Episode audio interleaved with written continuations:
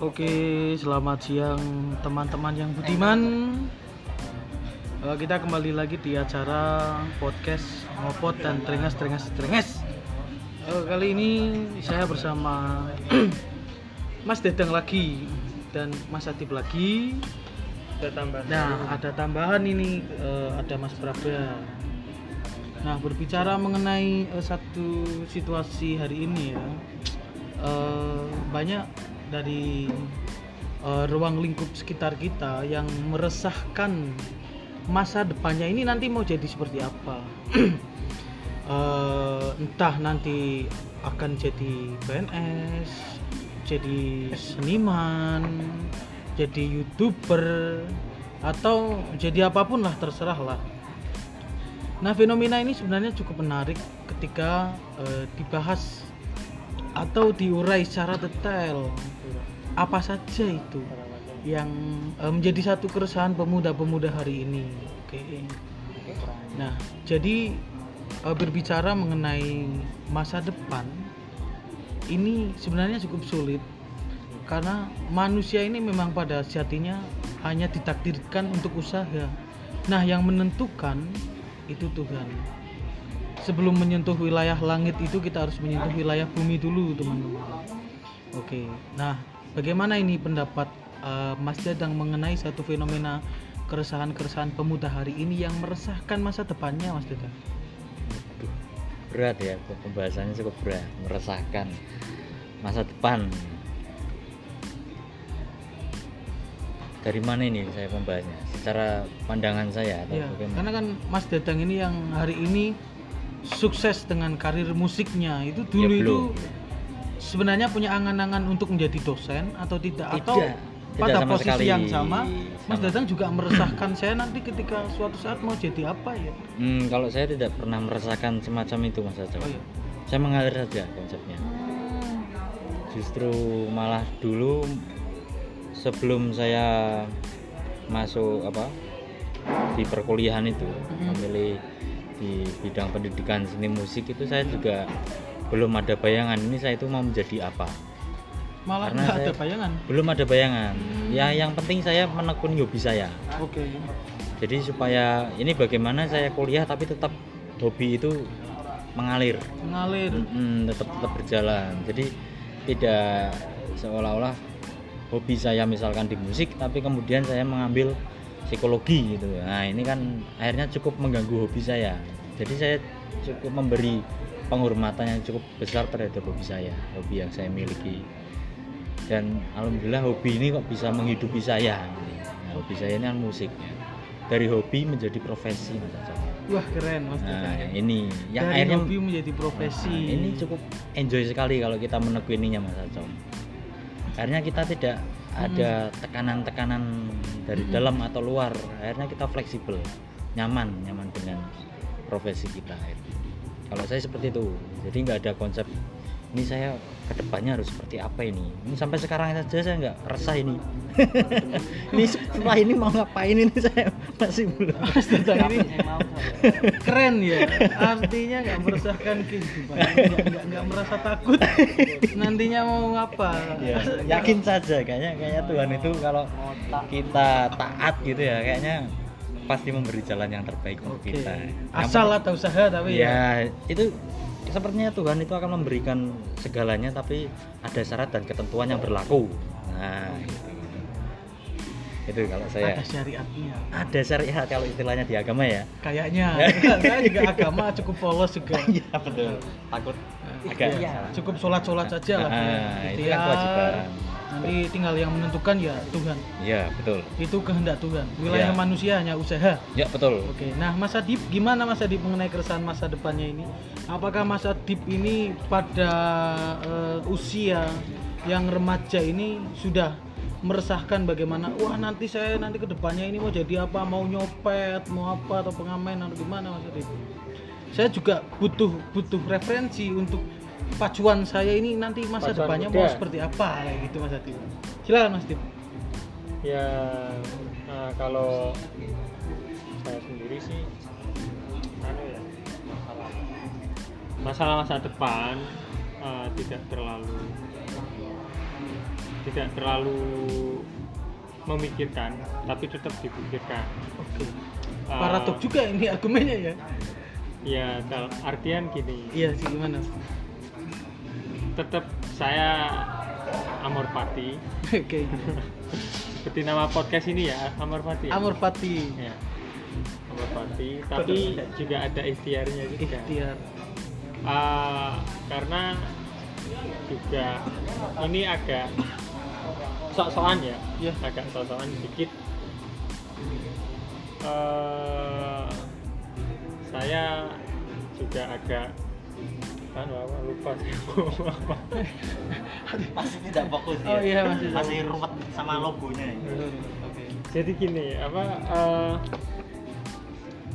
saya tidak eh, menjauhkan diri untuk untuk terlalu mencintai sebuah dunia itu kan ya.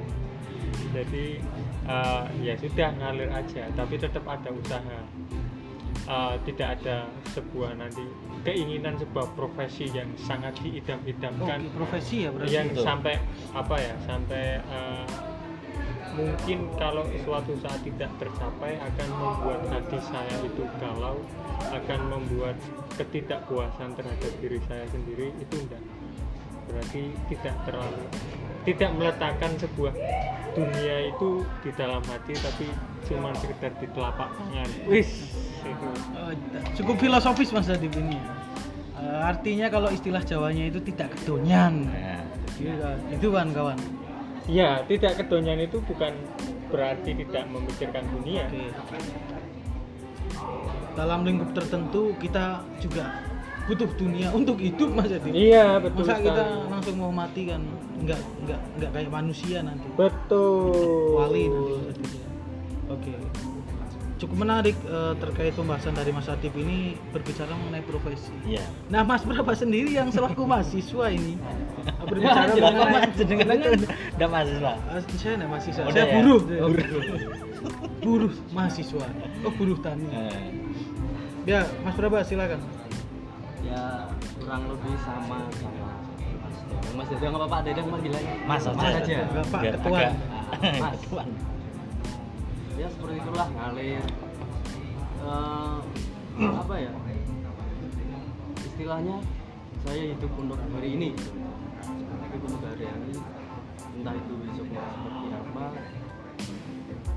Tapi kembali lagi seperti Mas tadi bilang eh, bukan berarti kita tidak memikirkan masa depan tetap tetap ada ke arah situ tapi kita mencoba mensyukuri aja lah Mensyukuri. yang hari ini kita syukuri apa yang ada Betul the basif berarti itu. sip Jangan menyerah kalau kata the basif itu. Oh, berarti eh, akhirnya saya bisa melihat ternyata yang jadi persoalan ini bukan masa depannya, tapi profesinya yang menjadi satu permasalahan. Ya. Bahkan semua profesi itu sebenarnya mulia. Nah, tinggal anggapan mindset masyarakat hari ini Eh, saja. pencopet apa mulia Mas Aso? Pencopet kalau profesi bukan itu profesi atau bukan saya juga belum mengerti juga ya karena Iya. saya belum pernah nyopet Mas. jadi saya bingung juga karena kalau siapa yang salah kenapa akhirnya orang itu menjadi pencopet ya karena persoalan ekonomi sebenarnya Heeh. karena eh, ya negara yang tidak mempertanggungjawabkan atas kemiskinan Weh. masyarakatnya ini kan sapi tapi ada eh, salah satu penyakit psikologi yaitu klepto itu memang orang itu Klepto. suka mengambil Heeh. cuman dia eh, apa ya Kalau klepto itu mengambil tapi dipakai sendiri ya? iya dipakai Bener sendiri ya? eh, kayak apa ya untuk kepuasan dianya sendiri Hmm. bukan untuk dijual Ya, dipakai sendiri. kalau untuk dijual itu copet Cepet. Oh, iya. karena untuk apa kebutuhan perut ya. Kalau itu kesukaan kalau klepto itu. Kalau detailnya klepto itu seperti apa ya nanti supaya tanyakan ke orang yang lebih paham terkait persoalan itu. Berarti memindah alihkan memindah tempatkan memindah tempatkan misal kaosnya Mas Acong Iya. besoknya tak klepto saya tak pakai saya gitu ya. Iya baik Patrick ya. Patrick istilahnya ya sinjap kalau itu istilah batangnya itu. Mencuri ya sinjap. Betul. Disinjap. Betul Iya. betul betul. Kayak gitu mas Sodol. Dodol. ini sodol ini cukup menarik ya Mas Acong ya. iya, kalau kalau orang-orang Batang yang mengerti itu pasti ya entah dia edan atau stres ya. Punya keahlian yang tertutup dia. betul. Jadi nggak semua manusia dengan kasat mata itu bisa melihat keanehannya itu. Hmm. Karena cukup susah membedakan juga antara manusia yang waras dan stres. Karena kita hari ini dianggap new normal itu sebelum sebelumnya kita ini normal Dianggap normal. Gila stres atau gimana kan? New normal normal yang baru. Hmm. nah sebenarnya eh, batasan kenormalan itu seperti apa itu juga saya belum tahu juga. Betul. Eh, syarat orang akhirnya bisa dikatakan normal itu seperti apa. Apakah ada indikator-indikator Indikator yang bisa tertentu, gitu. hmm, untuk menilai Mm-mm. bahwa ini gila atau masih tahap stres atau iya. Tapi memang secara tidak langsung manusia itu gila. Stres. Tapi dengan kadar dan porsi tertentu. Kadar dan porsi tertentu. nah kalau itu adalah eh, salah satu stres yang cukup ringan. Kalau kita memikirkan yang akhirnya mengganggu kondisi psikis ya. Hmm. tapi untuk manusia-manusia yang punya nggak punya jiwa dan nggak punya rasa nggak nggak berlaku itu stres itu. Kepala batu kayak saya ini saya nggak punya stres dan jiwa. Ya cukup sedih aja. Karena pada posisi tertentu saya itu susah kalau galau itu. Ya paling curhat mas. paling sedih mas. Ya. Nah saya ini sedang menyedihkan nanti profesi saya itu ke depannya mau ngapain Mau menjadi Sesuai apa? dengan ya jurusan yang dia ya linear dengan eh, program studi Kerja. kuliahnya atau nanti saya setelah lulus malah jadi bos batik dan diundang Ji nanti digaji ya Ci Iya. Tapi kan paling tidak masih linear juga. Misal Oke. di profesinya di batik ya, Iya. berkecimpung di batik. Mungkin masih ada unsur-unsur tadi di artnya. unsur-unsurnya Ya masih ada hubungan. keseniannya hubungan Cuman yang menjadi apa ya? Kalau kita misalkan kompetensi kita di bidang misalkan musik Mm-mm. kok luarannya menjadi ojol gitu kan kurang Oke, Bener ya? Nah, fenomena itu. yang cukup menarik. betul ya Mas Acong ya SD, SMP, SMA, kuliah, Ojol. ojol. Tuh. Jadi kok Apakah ini menjadi satu alternatif eh, atau batu loncatan ketika eh, kita eh, pusing mau kerja di mana? Mau kerja ngapain? Karena eh, prasyarat administrasi pekerjaan hari ini yang cukup sulit untuk dimasuki. sama juga faktor tekanan dari orang-orang Nah. ya Itu paling orang-orang orang tua itu Orang salah tua. satunya nggak usah orang terdekat orang tua pun menuntut tuh untuk sukses nah kadar kesuksesan ini bisa diukur apakah hanya sebatas material atau seperti apa atau ketika kita mempunyai uang banyak itu kita sudah dianggap sukses sukses secara duniawi tapi tidak sukses secara akhirat kan bingung juga hmm. wah emang Sukses. sukses secara akhirat itu Nah itu saya juga belum tahu juga karena saya belum pernah ke akhirat mas. Nanti coba saya tak komunikasi lah, yang juga di kontemplasi akhirat ya. Itu wilayah-wilayah eh, yang bisa menginjak itu ya orang-orang yang sudah selesai terhadap duniawinya. Kalau saya ya masih ketunyan sedikit lah mas. Masa nggak mau nikah saya bingung juga. Saya. Iya. itu ahli-ahli agama Mas Acong ya Ya ahli-ahli agama saya ahlinya ahli terapi saya mas pijet-pijet gitu ya cukup ahli itu betul pijet-pijet di bagian wilayah yang cukup sensitif itu saya oh ahli oh ahlinya betul istilah petik mangga. Iya istilah petik mangga. Cukup menarik itu profesi itu. Karena apa ya? Seseorang itu pasti meresahkan profesinya itu nanti mau jadi apa? Apakah karena gengsi yang dibentuk oleh dunia ini akhirnya menetapkan standar kesuksesan manusia? Atau memang ini adalah bagian daripada rekayasa yang dibuat supaya eh, maha kebu maha kebu yang baru lulus ini nanti eh, bisa menjadi budak daripada korporasi Mah, itu kebu. Mah, kebu itu apa? Ma- ma- iya mahasiswa tapi yang nggak Mahasiswa. kebu lah tunduk karena eh, kampus ini adalah tempat yang paling imajinatif selain kamar mandi ya mas Hmm. kalian bisa Iya. bisa merealisasikan mimpi-mimpi kalian itu di tapi kampus itu nggak punya ruang akustik yang bagus nah jadi kalau di untuk musik kurang imajinatif Hmm, lebih bagus kamar mandi malah Lebih ngema ya. Heeh, ruang akustiknya. Reverbnya itu keluar ya? pas, Keluar. Heeh, pas semua low-nya high-nya pas.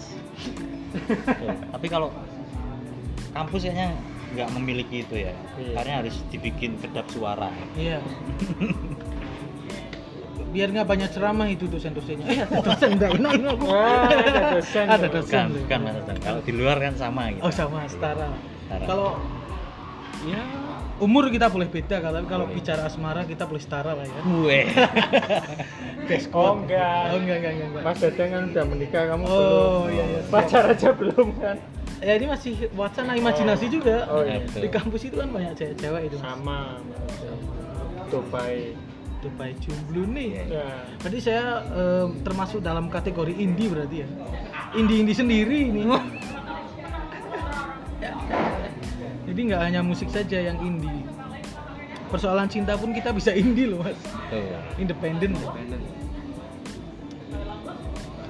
Eh, gimana ini menurut Mas Datang terkait profesi ini?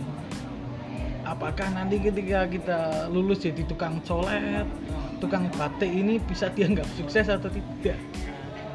kalau saya melihat sebenarnya peluang-peluang pelaku usaha itu lebih besar ya kalau saya melihat Oke. pun nah, eh, secara material itu orang-orang usaha itu orang-orang bisnis itu justru lebih kayaknya lebih apa ya secara material lebih itu tercukupi Tercukupi maksudnya. daripada yang seperti Nah, itu pegawai negeri Oh. ASN ya, kalau saya lihat loh ya Mungkin dari gaya hidup.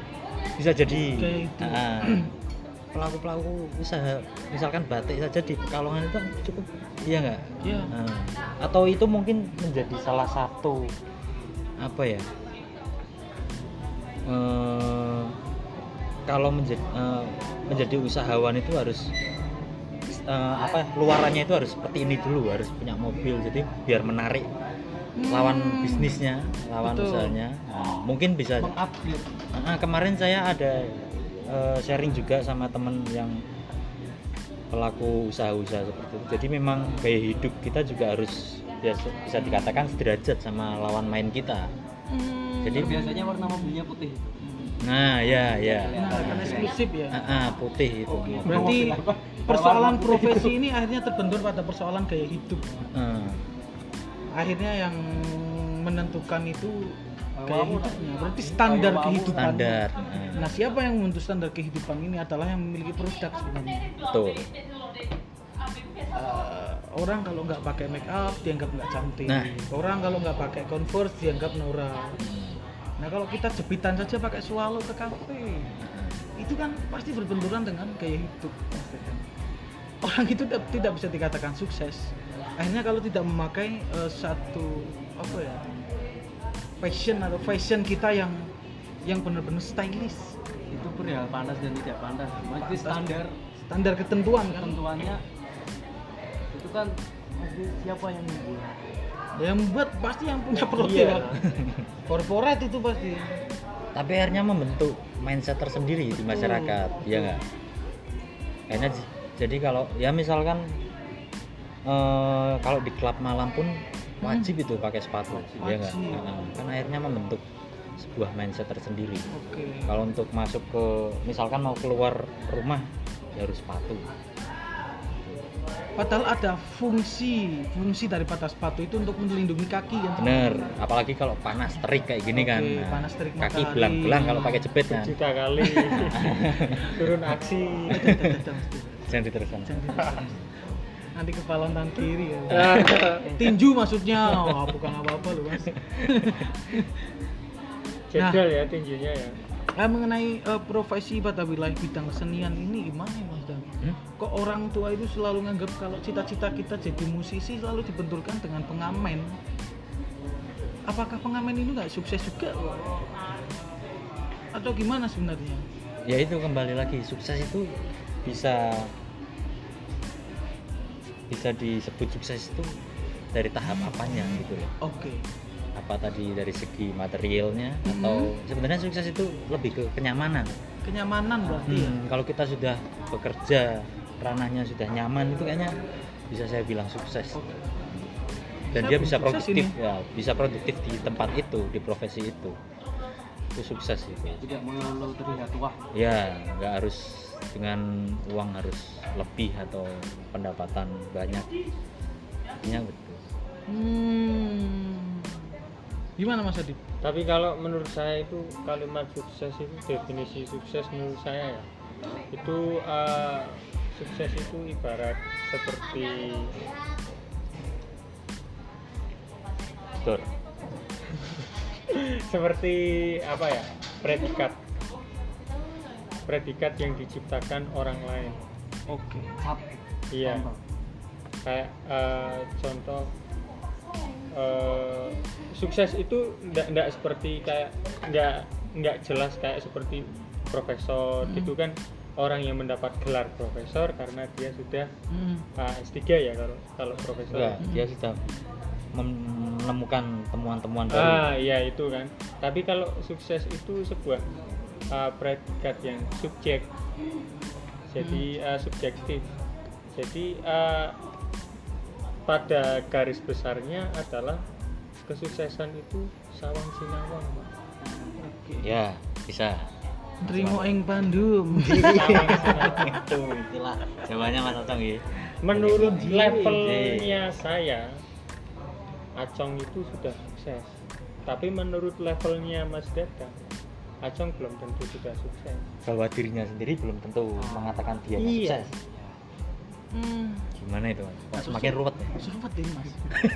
Ruwet mas. Ruwet.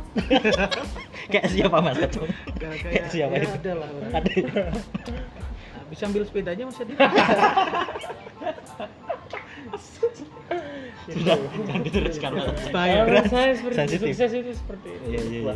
predikat yang diberikan oleh seseorang dan poinnya itu adalah yaitu sawang sinawang ya kalau kita nggak bersyukur ya kita tidak akan mencapai kesuksesan Ya disyukurin lah nanti ya Mm-mm. Disyukur ke kancane syukur Syukur Syukur Intinya kesuksesan itu Iya. adalah bersyukur. Poinnya di sawang sinawang. Sawang Sinawang itu bahasa Indonesia apa mas? Lihat-lihatan Saling melihat Tatap-tatapan. Tatap-tatapan. Ya saling melihat ya. Saling melihat tatap-tatapan Bener-bener. Tapi tidak tatap tapi muka tidak bisa tidak bisa diartikan Minta rokoknya mas ya habis Oh, coba saya Oh, dulu. coba. Oh, ya, siap, Tangannya sudah siap. saya dulu. Oh ya siap Agak lapar juga ini Iya. sebenarnya Jadi ya, saya otaknya ini agak agak konslet mas Eh, Hmm. Lanjut mas Apalagi ya. Berarti itu sukses itu wang sinawang. Kalau istilah pepatah Jawa itu mengatakan. Berarti oh kayak kontradiksinya antara benar dan salah. Iya, tidak betul. ada kebenaran mutlak, tidak ada salah yang mutlak. Ya, yang ada kebijaksanaannya. yang mutlak. Adanya kebijaksanaannya. Iya, Iya. that's right. That's right. Amazing, amazing. Cukup pusing ini saya kalau berbicara mengenai profesi ini. Karena sayanya belum punya profesi ini. Jadi sebenarnya sudah mas Acong. Cuman Sudah. profesi Loh, yang kan sawang menghasilkan. sinawang kan. Ah, ah, betul. Iya, Mas, Mas. Datang, kamu udah punya Tapi profesi. profesi itu apakah harus menghasilkan atau tidak? Nah, nah, gini, Nah, sesuatu bisa Oke. dianggap profesi itu Coba kita Ah. cek KBBI apa itu profesi. Ah, coba cek, biar Mas konkret. Ya. KBBI Ya. Profesi Agak cepat dikit mas Ati menyangkut Profesi durasi. Iya, Mas Adi. Kayak di Profesi acara TV ya. KBBI ini ya profesi adalah bidang pekerjaan yang dilandasi pendidikan keahlian Oh, Berarti tidak itu tadi. Dalam kurung. Unsur keterampilan koma kejuruan koma sebagainya tuh Acong. Berarti itu profesi secara baku artinya seperti itu. Ya. bidang pekerjaan yang dilandasi Pendidikan. pendidikan keahlian Pendidikan keahlian. berarti dia yang harus yang mempunyai gelar dulu dong Nah, Enggak, tapi kalau harus. pendidikan tidak. Kalau instansinya, misalkan gelar apa itu tadi bidang pekerjaan yang dilandasi pendidikan keahlian. Berarti Bidang kan pekerjaan. maksudnya gini, bidang pekerjaan seseorang yang bekerja itu sudah terdidik dan mempunyai keahlian.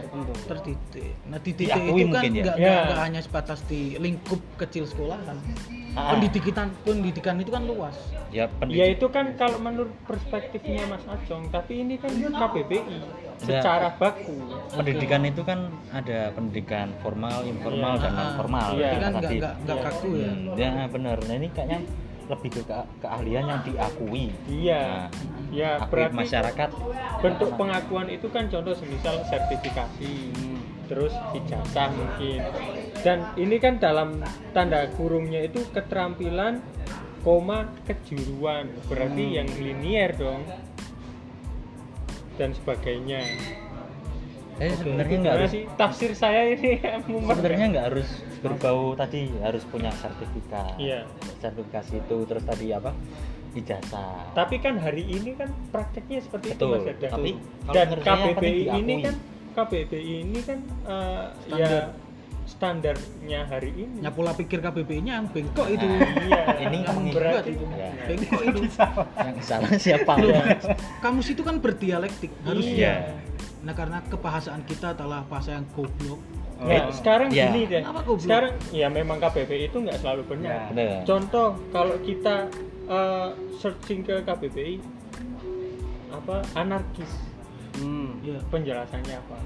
Nah. Terus kemudian juga banyak orang juga yang memiliki definisi lain tentang anarkis. ya oke Kan berarti tidak selalu benar. Gambarnya dengan Wikipedia lah. Iya. Iya. Hmm. Karena ini adalah media yang diciptakan oleh kepentingan. Ya. betul sepakat itu kan akhirnya mindset masyarakat terkonstruk bahwa Hmm. pendidikan itu selalu identik dengan eh, kampus selalu identik Iya, dengan sekolah. sekolahan Dan ini uh, profesi definisi profesi menurut KBBI kan berarti penggiringan bahwa orang yang memiliki profesi itu sudah mempunyai sertifikasi contoh ijazah. Ya. Tapi kalau saya kurang sepakat berarti. Iya, saya pun nggak sepakat Betul. dengan KBBI. saya sangat gak sepakat dengan KBBI Betul. Gimana kita boykot aja atau boykot. gimana? Karena- Jangan pakai KBBI ya. bahasa itu kan berarti eh, multitafsir ya Iya. artinya betul. cukup subjektif juga dalam siap pemaknaan katanya lingkup kata Betul. nah berbicara mengenai profesi ini kan sebenarnya cukup luas lingkupnya Eh, bahkan eh, letak geografis pun menentukan juga anggapan-anggapan semacam itu Iya. orang luaran bicara profesi ya batik gue profesi orang tersertifikasi kok Iya. Betul. nah karena itu untuk kepentingan ekonomi maka dibuatlah pendidikan yang berbasis batik itu kepentingan ekonomi aja industri yang akhirnya dikomersilkan Loh, bahkan kalau kita belajar pertanian di kampus dengan petani secara langsung itu cukup beda dan certasnya malah lebih cerdas kalau kalian eh, belajar sama petaninya langsung Berarti sebenarnya dalam kurikulum pendidikan Indonesia itu patokannya adalah yang sudah berjalan di ya masyarakat ya. ya Bener nggak? betul Kayak tadi sebenarnya di zaman kemerdekaan sebelum kemerdekaan malah ya, Hmm. sebelum masuk pendidikan di Indonesia, petani kan sudah ada. gitu. Hmm. Nah, mungkin baru digiring ya proses tahun ulang berarti Betul. untuk kepentingan komersil kayak tadi batik ya kan Ya. sebelumnya kan nggak ada kurikulum batik itu di Iya. sekolah sekarang ada kan ya gitu mungkin Nah, saya analisis lagi juga di SD sama SMP. Sekarang itu udah menghilangkan ini muatan lokal. iya Batik hilang. mulok ya Jawa beberapa tertentu. Nah, tetap yuk Tetap lokal ya Nah, masa terus nasi goreng menurut Ada, ada. menurut Mas. Acong ini apa gunanya pen- pendidikan kalau tidak ada muatan lokal? Nah, ini susah juga ini. Karena saya nggak terdidik juga di kampus saya nggak merasa dididik. Ah, lah, mungkin di sini kan ada dosen nih. Penting nggak sih muatan Ya, silakan, Pak dosen. penting nggak? Silakan Pak dosen. Monggo Pak dosen. Muatan Muatan, lokal, lokal, muatan lokal. kenapa kok seseorang itu ini eh, efek ya mungkin ya? betul Kenapa kok seseorang itu atau orang tua itu menyekolahkan anaknya jadinya di sekolah yang favorit? Kenapa kok nggak sekolah yang di dekat rumahnya? waduh ini kok yang favorit Karena sama kan standar pendidikan Indonesia katanya sama. Yang Ah, ah, yang yang yang Mm, negeri ya, mm, ya. kurikulumnya sama. Mm. Loh, kenapa kok ada orang tua yang memilih menyekolahkan anaknya di tempat yang jauh? Sebentar jadi gini kalau pendidikan di Indonesia itu disamaratakan itu sebenarnya kurang Hmm. kurang itu Heeh, karena Iya. di berbagai tempat itu ada yang yes lebih tertinggal ya Iya. bisa dikatakan ya misalkan di Papua nggak bisa disamakan dengan yang ada di Jakarta siswa di Kalimantan pelosok suruh mengerjakan ujian nasional yang setara dengan siswa-siswa Jakarta kan nggak bisa. Iya. harusnya ini Iya. kurikulum sama pendidikan di Indonesia sebenarnya harus harus berbasis muatan lokal tadi Nah. itu harus menyesuaikan Iya. oke tarafnya itu sampai mana sih ini kota ini daerah ini sampai mana kalau menurut saya yang perlu diperbaiki dari atasnya itu dari ya kementerian itu terkait harus sarana prasarana infrastruktur itu kan penunjang Betul. pendidikan juga Kurikulumnya. guru Mm, yang terpenting kurikulumnya harus menyesuaikan muatan lokal nah apalagi kalau Fleksibel sekarang ya, kalau sekarang muatan lokal dihilangkan ya berat juga Yulali lokale Ah. Tapi kira-kira apa Menteri Pendidikan itu apakah memikirkan itu enggak sih apa? sebenarnya memikirkan tapi bawahnya itu yang kadang Bawahnya. ah, ah, Yang jawab susah ya. ah. kadang sudah dikeluarkan anggaran segini tapi sampainya nggak segitu hmm, mungkin lo ya ini lo dugaan Iya. saja jangan tersinggung kalau itu iya nggak boleh tersinggung lah ah.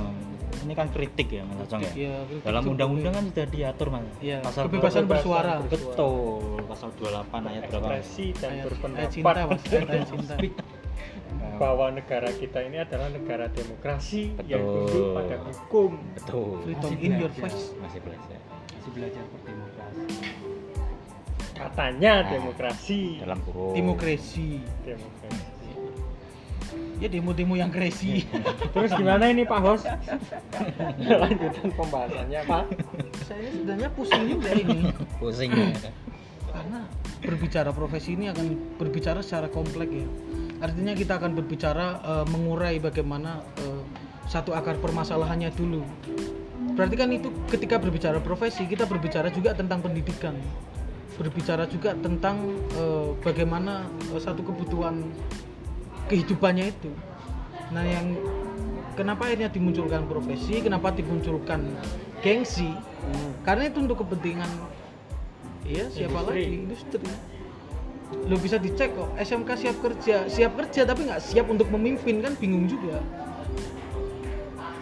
Kita akan selalu di bawah selama eh, pendidikan ini tidak memenuhi tidak mendidik untuk menjadi sebuah pemimpin salah satu pemimpin Iya seorang pemimpin seorang pemimpin padahal ada di sekolah itu latihan dasar kepemimpinan kayak gitu ya Ya KMTT Hah? di kampus ya. Ah, ah, oh ya di kampus ya. Latihan. tapi kayaknya nggak itu juga ya juga. Luarannya nggak? Ya berusaha untuk malah malah itu sendiri. ya malah apa kesannya jalan-jalan aja camping bersama Ah. aja ya kesannya ya. biro jodoh gitu. PEM itu kata lainnya itu biro jodoh. Oh iya. UKM PKM itu biro Hmm. jodoh. Nah esensi daripada eksekutifnya ini sebenarnya tidak ada. Latihan kepemimpinan ya bukan latihan kepemimpinan. Latihan untuk cari jodoh. Nah, semakin membingungkan ya ternyata kadang kita dosen yang ngisi pun kan eh, cuman disuruh mahasiswanya untuk dengerin ceramah terus dosennya biar eh, mahasiswa mahasiswanya biar nangis nangis itu istilahnya apa? Apa pencerahan apa itu? Jerit malam. Jerit malam Jerit itu ya. malam. Session jerit malam. tapi nggak ah kan gitu. Jadi malam bahaya juga kalau bunyinya aneh dosennya tausiah nanti mahasiswanya nangis nangis Oh, iya, iya, iya. bayangkan ibu anda di depan anda. Rata-rata kan materi LKMTD ada yang seperti itunya ya? KPU itu KPU itu bisa. KPU pramuka itu. Ya ini buat apa itu? Ya supaya merenung Motivasi mungkin ya, ya. merenung ya tapi apa hubungannya dengan kepemimpinan? Ah, ah, ya. nggak ada. Bingung juga saya. Ada. Outputnya nggak ada. Luarannya kurang. Kurang tepat. Malah atau untuk alasan mereka piknik aja sebenarnya ya. bisa jadi juga tuh. Timbul proyek ya. Ya bro cuan yang penting yang penting itu cuan pasti Ya, tapi semakin gila juga ternyata ya kitanya gila juga ini berarti. Tapi belum tentu juga loh eh, kita yang belum menjadi tenaga kerja misal. Eh, tenaga kerja baik pendidik ataupun profesi kita mengkritik mereka en- seenaknya serahatnya gitu. Hmm. tapi kalau kita berada di posisi tersebut kita belum tentu baik. Mm, belum tentu bisa seperti Iya, mereka ya. belum tentu bisa seperti apa yang sekarang kita katakan. Ya. Betul. Karena mungkin faktor lingkungan. Misal kita kritik pemerintah oh banyak korupsi dan lain sebagainya. Tapi kalau posisinya dibalik kita yang jadi menteri belum tentu kita nggak korupsi.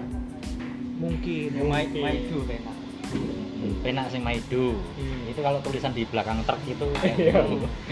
Padahal do itu nada terendah. Kenapa nggak maire, maini? oh iya penak maido Oh, maido kan terendah itu. iya selalu salah ya do itu Lalu ya salah do itu. Do, dosen juga salah. iya do juga do Jodoh apalagi. Jujur. do dosen itu ngomongnya sak dus gajinya sak sen mas Aco Aduh. ah Tuh, ad- jangan jadi dosen mas Aco Tapi di mata orang tua dan mertua, Mertua. ini penting. sangar ya ya? kelihatan sangar ya Maksudnya Ya, sangar ya.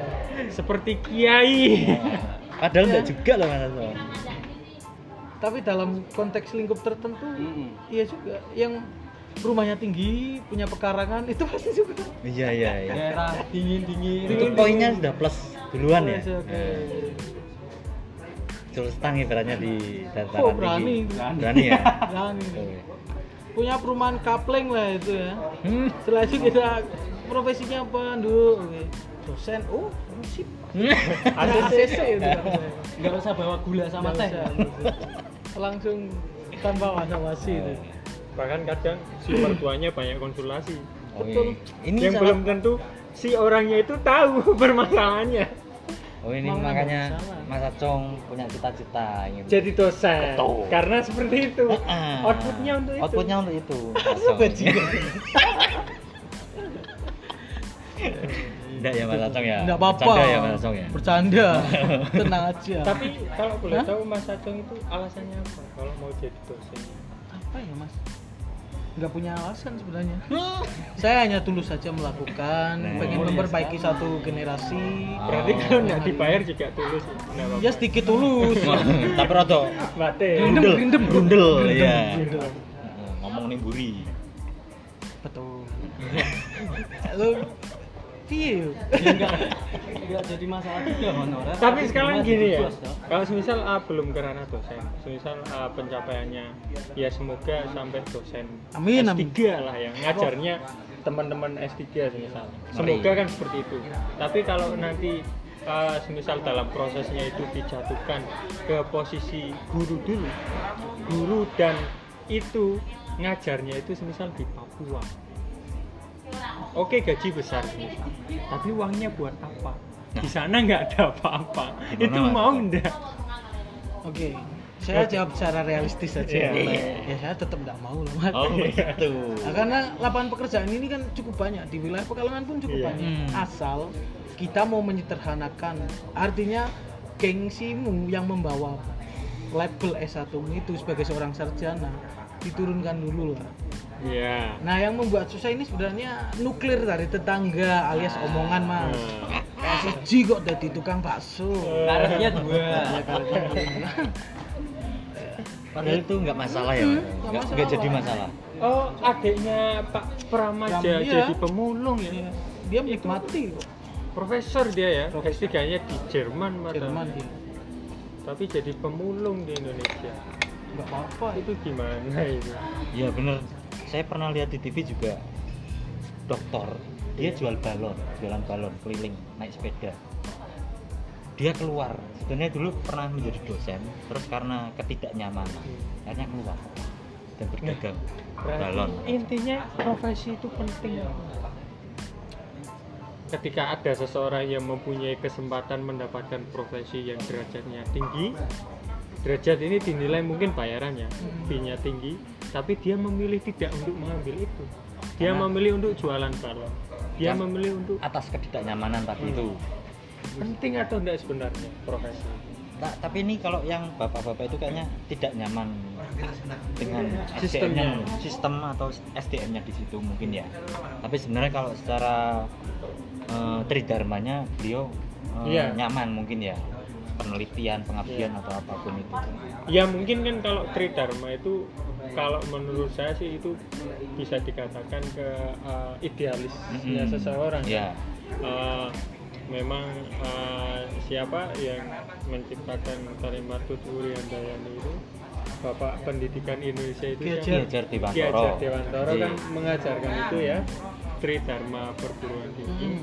yang mungkin uh, melekat pada hati seseorang atau orang Indonesia yang tidak tidak tergoda oleh oleh lingkungan yang Hmm. tidak memikirkan itu sebuah idealis yang cukup menanam ke ke masyarakat masyarakat Iya.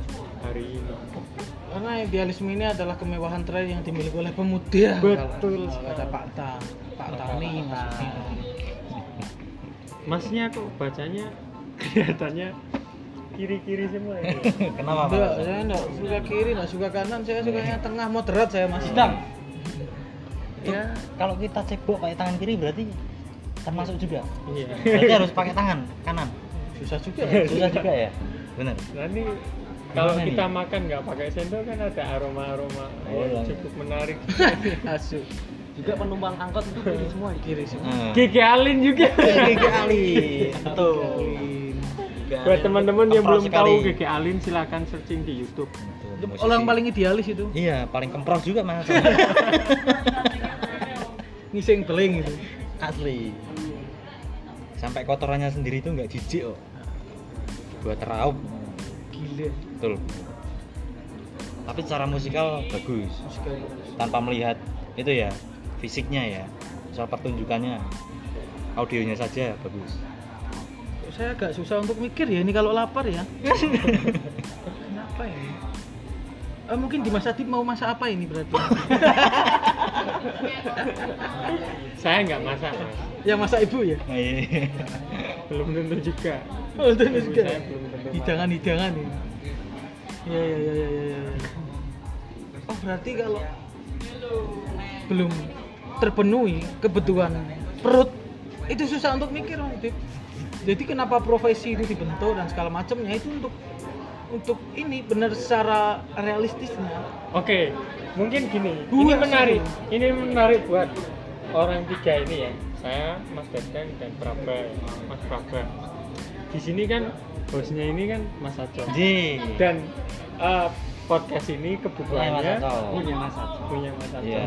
Terus Mas Acong tadi bilang apa? Kalau perut, perut. belum diisi, itu buat mikir itu susah. susah Terus apakah kalian minta dibayarin ngiseng ini.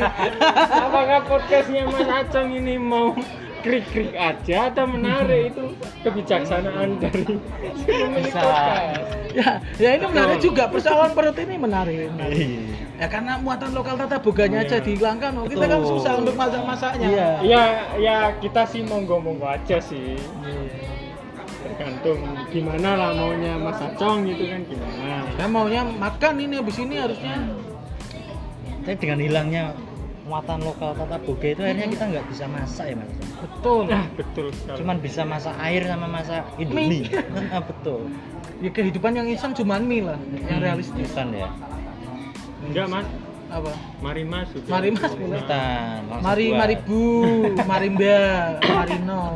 mari mas tinggal bayar masuk mari mas kan Kulon, eh wetan. Mobil khusus ilangetan. Mari Mas. Itu bisa jadi ambigu juga loh katanya. Mari Mas itu yang semula eh, untuk produk sekarang udah bertransisi maknanya menjadi prostitusi itu. Mari Mas. Mari mari mari. Tak saya mau jadi komedi ini gimana? yang dimaksud si pemilik Marimas itu awalnya apa ya namanya Marimas itu Nah, juga. apa nggak ada nama lain apa enggak Mari bro. mungkin konkretnya mungkin gini Heeh. kita beli satu saset marimas biasanya itu kan ada layanan Layanan.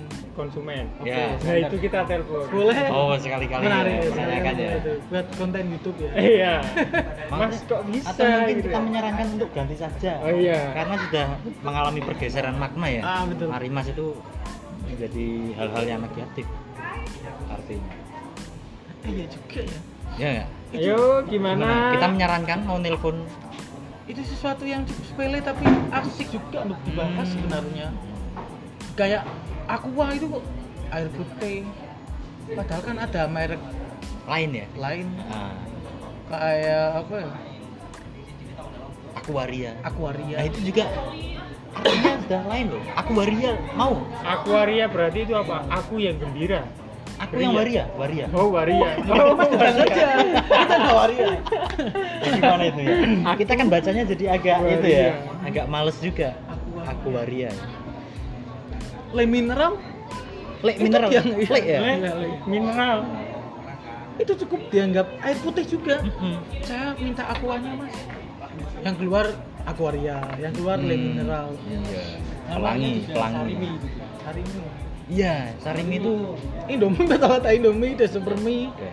ibu saya mau beli Honda eh taunya belinya yang mana Nah, Honda itu berarti eh, seiring berjalannya waktu berdialektis. Maknanya jadi motor. iya hmm. Wah, ini terkait bahasa menarik juga ya ternyata. Apalagi pada eh, konteks lingkup pendidikan ya. Kita eh, sering kali kan sifat bahasa ini kan multitafsir. Jadi untuk pendidikan hari ini pun nggak semua orang dapat memahami disiplin ilmu yang dengan kata-kata yang cukup sulit juga. oh gini mas mas Acung saya mau tanya ya Ah, ah, ah. ini mungkin uh, di luar pembahasan awal tapi lebih ke bahasa ya tapi Iya. uh, sebenarnya kalimat baku penulisan izin itu I J I N apa I Z I N pakai J, Mas. pakai J ya J. terus ketika ditambah perizinan itu tulisannya peri J I E uh, Tetep J. perizinan apa perizinan Perizinan, Masa? ya Kok saya selama ini menulisnya pakai J tetap? perizinan dan Perizinan. perzinaan itu beda juga loh. iya iya ya. Sekarang gini Mas Asal. berarti kalimat dasarnya itu izin, Izin. I J I N tapi kalau ditambahi Izin, ada per jadi perisi pakai Z bukan Kayaknya izin itu izin. Coba cek KBBI barangkali dia otaknya udah nggak kalau yang sudah berubah itu misalkan kayak gini, produktif. Dia pakai F kan. Nah, ketika menjadi berubah produktivitas, dia pakai V. oh pakai V ya Kayak aktivitas aktif pakai F. Ketika aktivitas dia pakai V. Oke. Itu saya saya ah, waktu itu saya kan eh, penelitian saya, tesis saya itu kan ada berhubungan dengan aktivitas dan saya menulis aktivitas itu pakai F. Disalahkan sama dosen saya. Dan saya telusuri memang benar, ternyata pakainya V. Oh, produktivitas. harus ada uangnya berarti. Fee itu. Oh, bukan Ocok. Kirain bukan. kalau fee harus Ini ada efek lapar tapi kan Rasanya. memang ada perubahan iya. uh, kalimat-kalimat baku ya kayak dulu uh, nulis jarum D J A R U M Iya. sekarang bakunya J. jarum Nah, aja jarum saja nggak pakai D ya. Nah, itu kan berarti setiap mungkin uh, 10 tahun sekali atau 55 tahun sekali ada pembaruan kalimat-kalimat baku itu kayaknya masyarakat itu belum menerima informasi yang cukup objektif ya. Iya. Kadang kalau kita mau nulis tulisan ilmiah saja masih kebingungan. Iya. Ini harusnya gimana? Nah, itu gimana peran seorang apa eh, mahasiswa bahasa ini gimana? Ya bahasa ini kan lebih kepada sebagai satu alat komunikasi ya. Ya ketika orang memahami maknanya selesai sih menurutku. Yang nah, yang membingungkan, itu- yang membingungkan adalah konteks teori disiplin ilmunya. Iya. Karena nggak semua masyarakat butuh teori semacam Betul. itu. Yang butuhnya adalah kamu mau menyampaikan apa. Hmm. Sesimpel itu loh. Nah, yang membuat pusing adalah kita yang dikendalikan teori, bukan kita yang mengolah teori. Hmm. Nah, kebingungannya kan di situ pada konteks tertentu semacam itu. Kayak ya semacam mungkin kan gini mas Acong mungkin maksudnya untuk apa uh, ada teori ada kalimat baku itu uh, mungkin untuk pendeteksian ya Mm-mm. yang yang uh, wilayah Indonesia kan wilayahnya sangat luas. Dan kalau semisal itu nulis perizinan ada yang pakai J ada yang pakai Z bahkan ada yang pakai S itu menurut Mas Aceng itu masalah enggak kalau semisal data itu dikumpulkan jadi satu Ya sebenarnya nggak cukup masalah ya, menurutku. Mungkin kalau secara akademik itu bisa disalahkan, Iya. karena kita eh, urai juga. Ini kepentingan bahasa ini untuk seperti apa? Baku itu difungsikan untuk biasanya eh, ketika kita mau menulis ketemu sama siapa, ketika mau daftar kerja, mau daftar ini, nah kontak-kontak peraturan semacam itulah yang dibuat oleh untuk kepentingan persyaratan pekerjaan. Nah kalau untuk masyarakat, apalagi terwilayah terpencil, menurutku nggak soal juga. Cuman kalau mereka mau mempelajari, ya nggak apa-apa. Sebagai salah satu landasan Ya. untuk disiplin ilmu tersebut. Eh, sesederhana itu. nah oke sekarang ada yang mau mempelajari tapi informasi untuk perubahan perubahan kalimat baku itu enggak enggak cukup terdengar ke Betul. masyarakat Betul. sampai sudut Nah, karena balai bahasa pun tidak pernah mensosialisasikan semacam nah itu. itu berarti kesalahan siapa menteri komunikasi atau balai bahasa atau Yang salah kita, kita yang sudah tahu nggak mau ngasih tahu ke sekitar kita kan. mungkin mungkin kita perlu membiasakan diri menggunakan bahasa baku dalam komunikasi sehari-hari mungkin Iya. Boleh juga. Akhirnya secara kan penulisan mungkin ya Ah, kalau ya. secara apa komunikasi pun mungkin perlu dibiasakan mungkin supaya tetangga sebelah Oh, juga iya. nah, Ngerti? ini orang-orang kok ngomongnya praktik. Nah, bukan praktek lagi ya betul Praktik. Apotek. soalnya praktikum bukan Iya. praktekum apoteker Iya. bukan apoteker Apoteker. nah Tapi ini yang saya kan jadi kenapa kok saya tadi tanya perizinan itu tulisannya Z apa J kalau perizinan kalau izin itu kan pakai J tapi kok perizinan itu pakai Z awalnya saya tahunya juga harusnya pakai J juga Mm. perizinan nah itu saya itu setelah baca apa press li- release-nya itu eh, wali kota tentang eh, aturan PSBB hmm. Nah itu eh, eh, tentang aturan membuat acara kesenian di Pekalongan. Hmm. Nah itu tulisannya perizinan bukan perizinan. Lah pikirku loh, masa sih orang pemkot kok tipe nulis gini? Apalagi kan ini edaran resmi, nggak boleh tipe kan harusnya yang ditandatangani oleh wali kota, terus kopnya juga eh, dari pemerintah. Itu berarti gimana mas? Tidak ada Nah, berarti kurangnya harusnya kita sosialisasi. Yang kita nggak selalunya harus sosialisasi terkait kompor, mineral dan segala macamnya kok. Kadang dalam satu konteks wilayah tertentu kita juga butuh sosialisasi untuk eh, ini ya eh, alat komunikasi terlebih di bahasa ya Eh, konteks penulisan, konteks berbicara. Masa ya saya juga pernah disalahkan itu. Yang pertama-tama yang terhormat, Hmm. yang kedua, nah sampai pada pembahasan isi saya diomongin kenapa kok nggak ada keempat keempat ke lima lima ke enam enam. Berarti kan sebenarnya ada satu wilayah peraturan tertentu untuk penulisan misalkan kayak bentuk pengumuman, bentuk karya tulis ilmiah, bentuk esai, bentuk novel, bentuk prosa, Iya. bentuk puisi itu kan juga uh, ada satu konstruksi yang yang yang mengatur kayak SPOK, Iya. Ya, ada predikat, objek sama keterangan. Nah, kalau puisi kan nggak nggak butuh itu. Iya. Jadi kita harus mem- mem- memetakan untuk persoalan itu. Memetakan. Nah, perlunya itu disosialisasikan sebenarnya sebelum terlambat. Apakah kita yang harus mensosialisasikan atau Ya pada lingkup kecil dulu lah, tongkrongan kita dulu Iya. aja. Nggak, perlu kita jauh-jauh karena utopis juga nanti. Mas nanti saya barusan searching ternyata yang benar pakai Z pakai siapa? iya betul Izin. berarti ya saya yang cukup salah berarti untuk masalah yang izin sama izin Ya sebaik-baiknya orang adalah orang yang mengakui kesalahan. betul jangan sampai tadi kebenaran ya. hanya milik Tuhan. iya Ini Tapi di sini KBBI apa- tapi saya mer barusan KBBI tapi ya di sini ya ini eh, situsnya milik Dinkes Pati Kabupaten Pati. Dia masih pakai perizinan. Ini nggak tahu tapi kan dia nggak tahun bisa berapa jadi dia? patokan kita. Tahun berapa ya ini? Biar liris rilisnya itu tahun berapa? Menjadi tolak ukur kan selama ini kan KBBI Mas Adit. Sama Iya. EYD ya? Kalau ya maksudnya itu gini gini mas yang maksud saya loh ini ini uh, sebuah problem penulisan kan. Uh, dia uh, situs Kabupaten Pati ini kan pemerintahan Mm-mm. yang harusnya itu nggak boleh salah nggak boleh Iya. tipu karena itu akan mencerminkan masyarakat Hmm. pemerintahannya aja nulisnya salah masyarakatnya nulis salah kok dimarahin harap dimaklum Nah, berarti ini mungkin bukan salah pemerintahnya Mas Adit gimana orangnya Yang nulis. yang nulis Yang ini nulis, ya. mungkin perlu dipindahkan ini atau digantikan ya Eh, digantikan.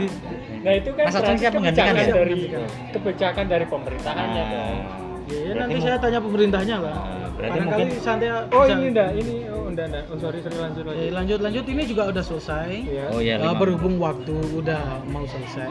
Perut keroncongan perut keroncongan jadi bisa dilanjut untuk the next podcast. Oke terima kasih. Wabillahi taufiq wal hidayah. Assalamualaikum warahmatullahi wabarakatuh